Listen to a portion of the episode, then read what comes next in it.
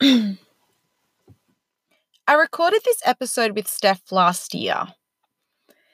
If you didn't already know, this podcast has taken me two years to actually get out consistency. it hurts me when I say that out loud. The reason why I have these small step challenges in place after every episode is because small steps were the only thing that have allowed me to make huge changes and impacts on my life. I like to consider myself an ideas person, a big picture person, a person that says all of these things and is going to do all of this amazing stuff, but never does any of them because I'm just so overwhelmed by the thought of it all that that's taken enough out of me and um, I can't actually take action to do them. Taking this long to get a podcast out meant that I learned a lot along the way. After I edited Steph's episode, I realized that the advice that she was giving that I thought at the time was going to be super beneficial to the listeners was actually really useful to me too. It was something that I really needed. And the crazy thing was that it wasn't until I re listened to our episode that I realized how much I needed it myself. So, what did I decide to do? I decided to open up a conversation with my boss to tell him that I wasn't fulfilled in that workplace anymore that I didn't think that my skills actually matched the role that I was in. That I was at a point where I knew if I continued this way longer, I wouldn't be pleasant to work with, and I probably wouldn't be helping their business at all. Not only that, but I knew it would trickle into my personal life and I'd to put it uh, in in my words, uh, would become a miserable mole.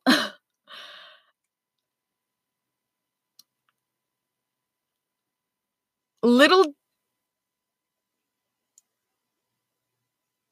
little did I know that that super small step that really difficult conversation would lead me to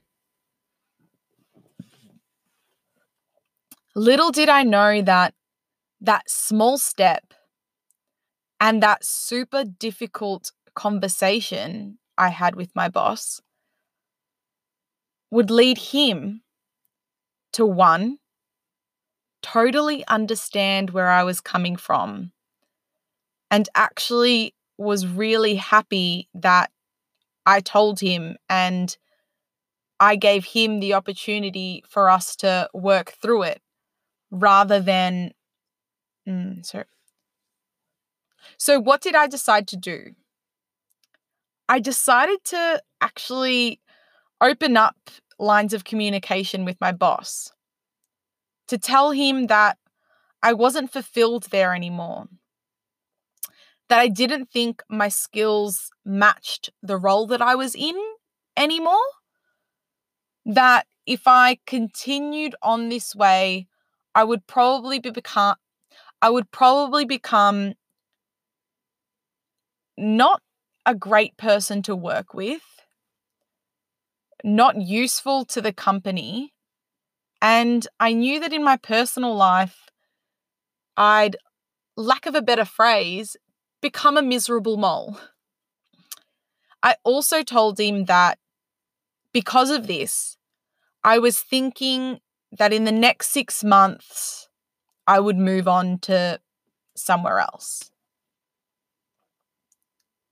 Little did I know that by opening up this communicate, little did I know that by taking this small step and having this really difficult conversation, my boss would actually understand. Three things came out of this.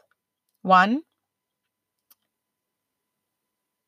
he was so happy that I had given him the opportunity to help me. For him to understand that sometimes he really related to knowing that sometimes mm,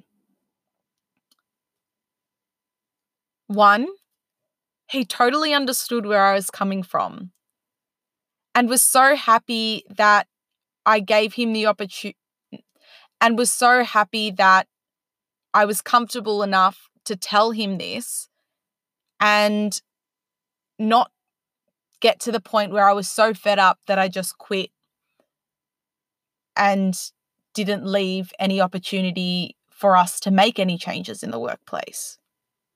Two, he wanted to work out a strategy that would allow me to stay in the company. He actually did something which I really admire. He asked me to write down a list of things I enjoyed and I didn't enjoy about my role. He asked me to send him that list, and that next year, when we came back to work, we would regroup and figure out a way where hopefully it would work for both of us.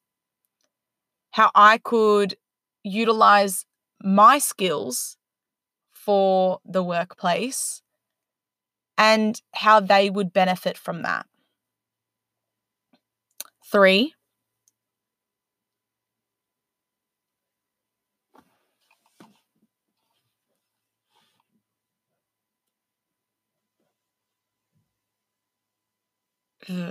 Little did I know that this small but super difficult convers little did I know that, that this small step but crazy difficult conversation would lead my boss to one totally understanding where I was coming from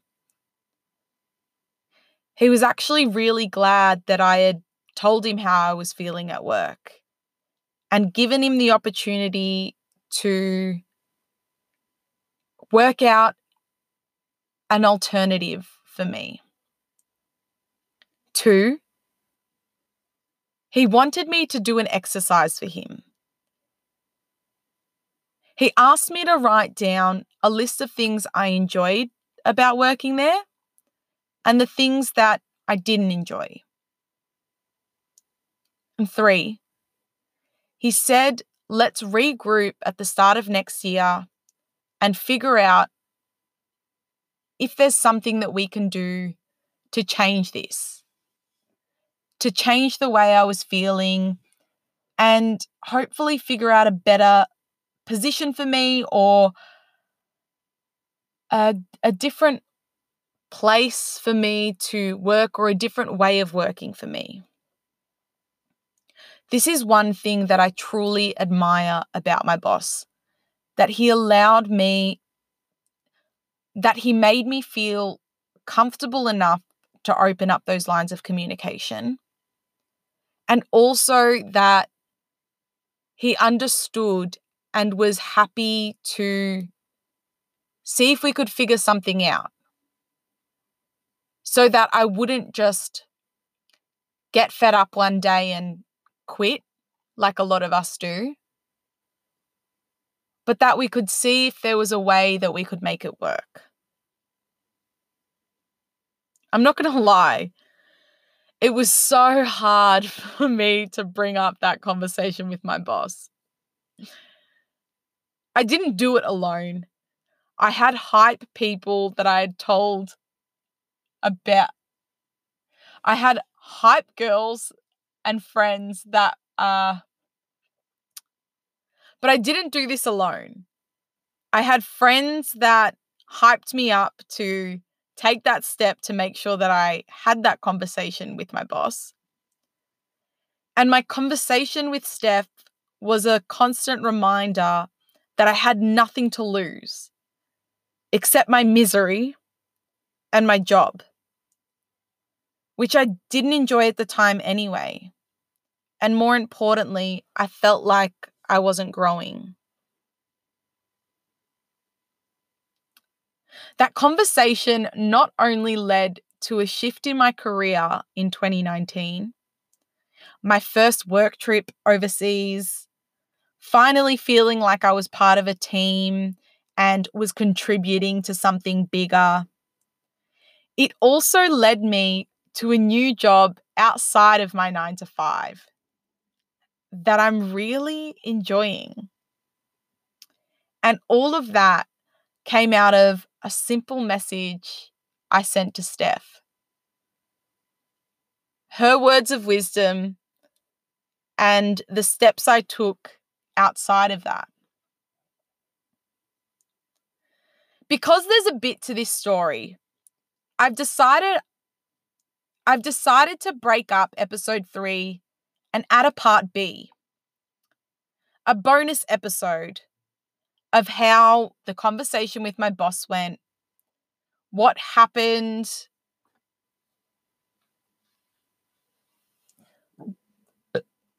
what happened after I re listened to my conversation with Steph,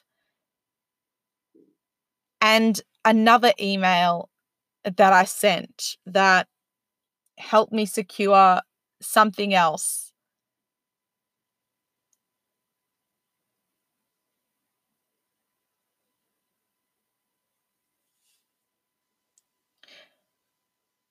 This episode will talk about the steps I took to make a huge change in my life and what I'm doing now.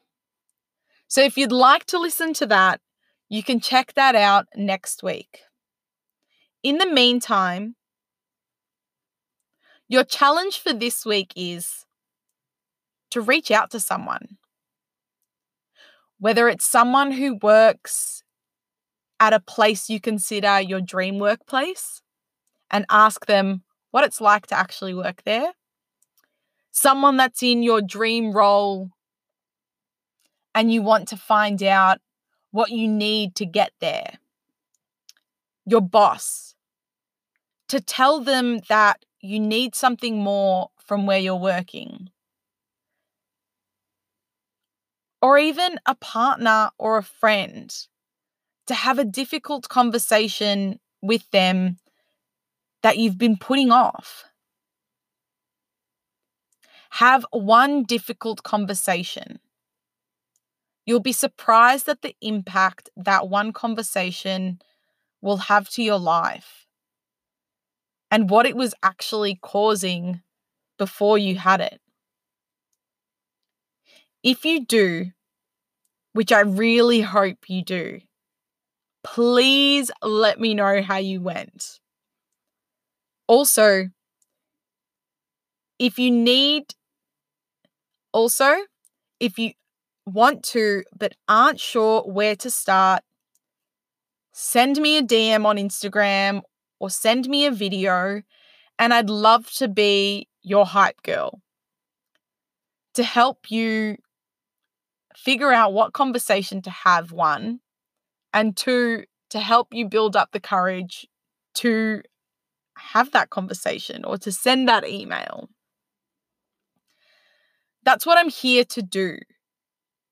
I really want not only to be your hype girl, but also to build a community where we can help each other live the lives we want. Sometimes it's difficult to tell people around us what we want to do or the dreams and aspirations we have because they expect us to be a certain way or to like a certain thing or to live a certain lifestyle because that's all they've known of us so far. Sometimes it's easier to talk to someone else. So the lines of communication are always open with me.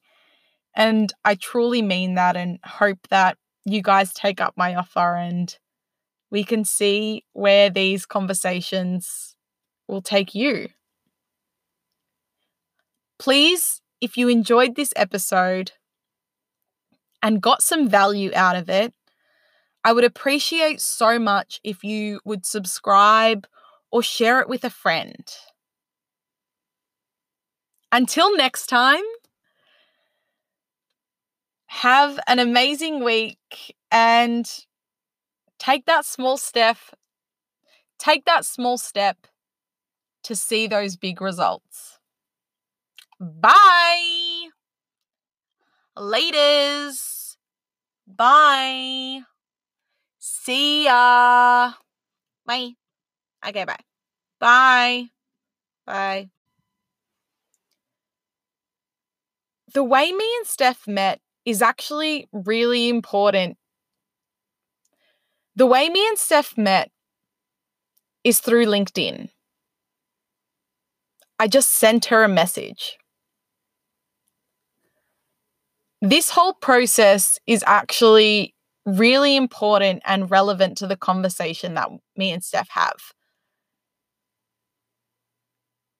One of the themes we talk about is taking that chance, sending that message, having that difficult conversation. Because it'll end up being, because it'll end up having a bigger impact than you expected. Since my meeting with Steph and our interview,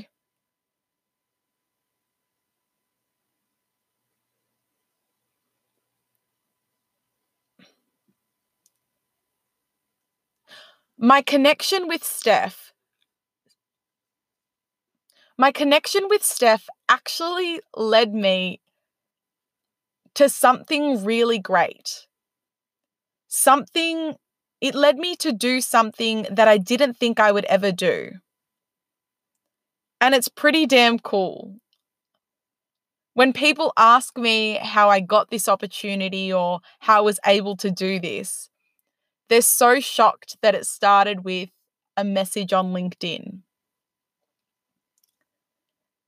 I'm going to do the whole clickbait thing here and tell you that I'll share more about what this was and what my conversation with. I'm going to do the annoying thing now and say, I'll tell you more about that at the end of this episode because it's really cool. Mm. I'm going to do a really annoying thing now and say that I'll share more about what that thing I did was and Steph's pivotal advice to me after you listen to our conversation. So let's jump straight into my convo with Steph.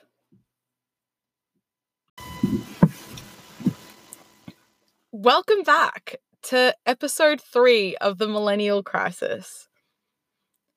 I'm so excited about today's episode because I chat with Stephanie Elul. She's a careers coach and outcome producer for General Assembly Melbourne. Steph talks with me, Steph chats with me about her journey finding work she actually loves. We talk about expectations versus reality when it comes to the workforce, the jobs that are glamorized or the companies we see that are highlighted online for us, and the importance of understanding environments that we thrive in, how we work best, what we like, and what we dislike. Mm, no. We talk about expectations versus reality in the workplace and how sometimes the jobs that we see that are glamorized or those dream companies we wish we worked at might not actually be for us. We also talk about the importance of understanding what environments we thrive in, how we work best, and figuring out what we dislike is just as important as figuring out what we like. Steph goes into detail about finding the right job and how it's a journey. How we date in our personal life, but it's frowned upon to date in our careers. We're just supposed to pick one and stick with it.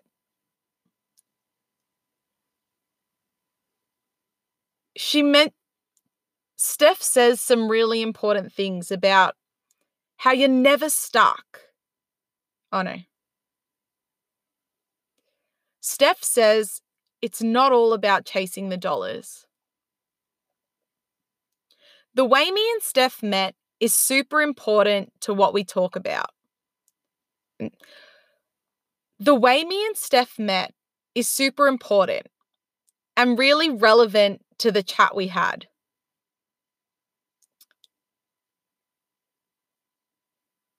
The outcome of our relationship and this interview actually led to a pivotal moment in my career. Me and Steph met via LinkedIn. I reached out to her, and I'll tell you what came out of that one message I sent was huge for me. But I'm going to explain more of that at the end of the episode. First, let's jump straight into my convo with Steph. The way me and Steph met is actually really important to this episode.